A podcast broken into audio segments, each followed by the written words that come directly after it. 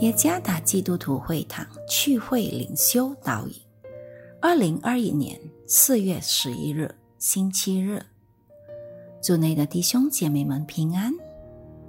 今天的灵修导引，我们将会借着圣经以弗所书第六章十到十三节来思想今天的主题：在属灵征战中得胜。作者于来发传道，以弗所书第六章第十节。我还有末了的话，你们要靠着主，依赖他的大能大力，做刚强的人，要穿戴神所赐的全副军装，就能抵挡魔鬼的诡计。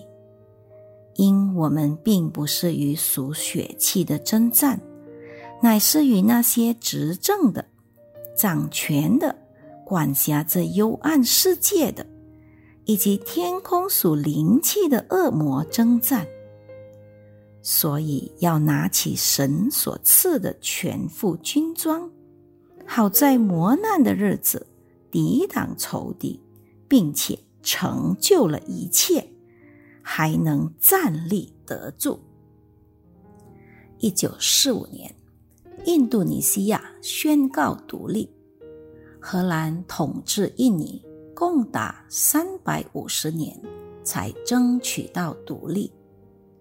从此以后，印尼民族是否就停止奋斗呢？实际上，并没有停止。印尼在一九四七年必须面临战事，当时。荷兰采取军事行动，企图在印尼国土上争夺政权。教会也是如此。身为神的儿女，我们也未结束征战。主耶稣已经从最终释放我们，然而并不表示我们已经停止奋斗。只要我们还活在世上。我们就必须在属灵的战场上征战。使徒保罗如此劝勉以弗所信徒：“我还有末了的话，你们要靠着主，依靠他的大能大力，做刚强的人，要带神所赐的全副军装，就能抵挡魔鬼的诡计。”因为我们并不是与属血气的征战，乃是与那些执政的、掌权的、管辖着幽暗世界的，以及天空属灵气的恶魔征战。魔鬼尽其所能，要使神的儿女跌倒。他透过担忧、罪、分裂、肉体的私欲。使我们离开神，它使我们的视线转向世界和满足自己。然而，这个世界残酷，并给我们带来痛苦，以致让我们疑问上帝在我们身上的善意。魔鬼成功的如此欺骗人类，因此保罗在。十三节里劝勉以弗所的信徒，要穿戴神所赐的全副军装，面对魔鬼。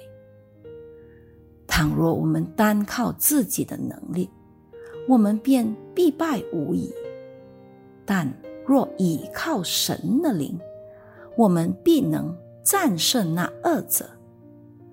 约翰一书第四章第四节说。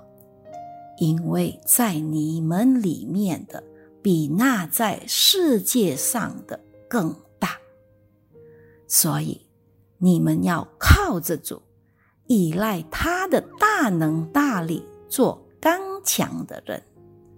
参看以弗所书第六章第十节，在主里刚强的意思，即是全然依赖主，信靠他。并穿戴他所赐的军装，我们并不准确的知道仇敌何时将要出现和发动征战，但当征战临到，我们就必须站在神的这一方，使用神所赐的武器装备。倘若在生命中，我们活出神的心意，魔鬼便会离开。属灵战争的成果已经明显，胜利是属于神。战争的成果已经很明显，胜利是属于神。愿上帝赐福大家。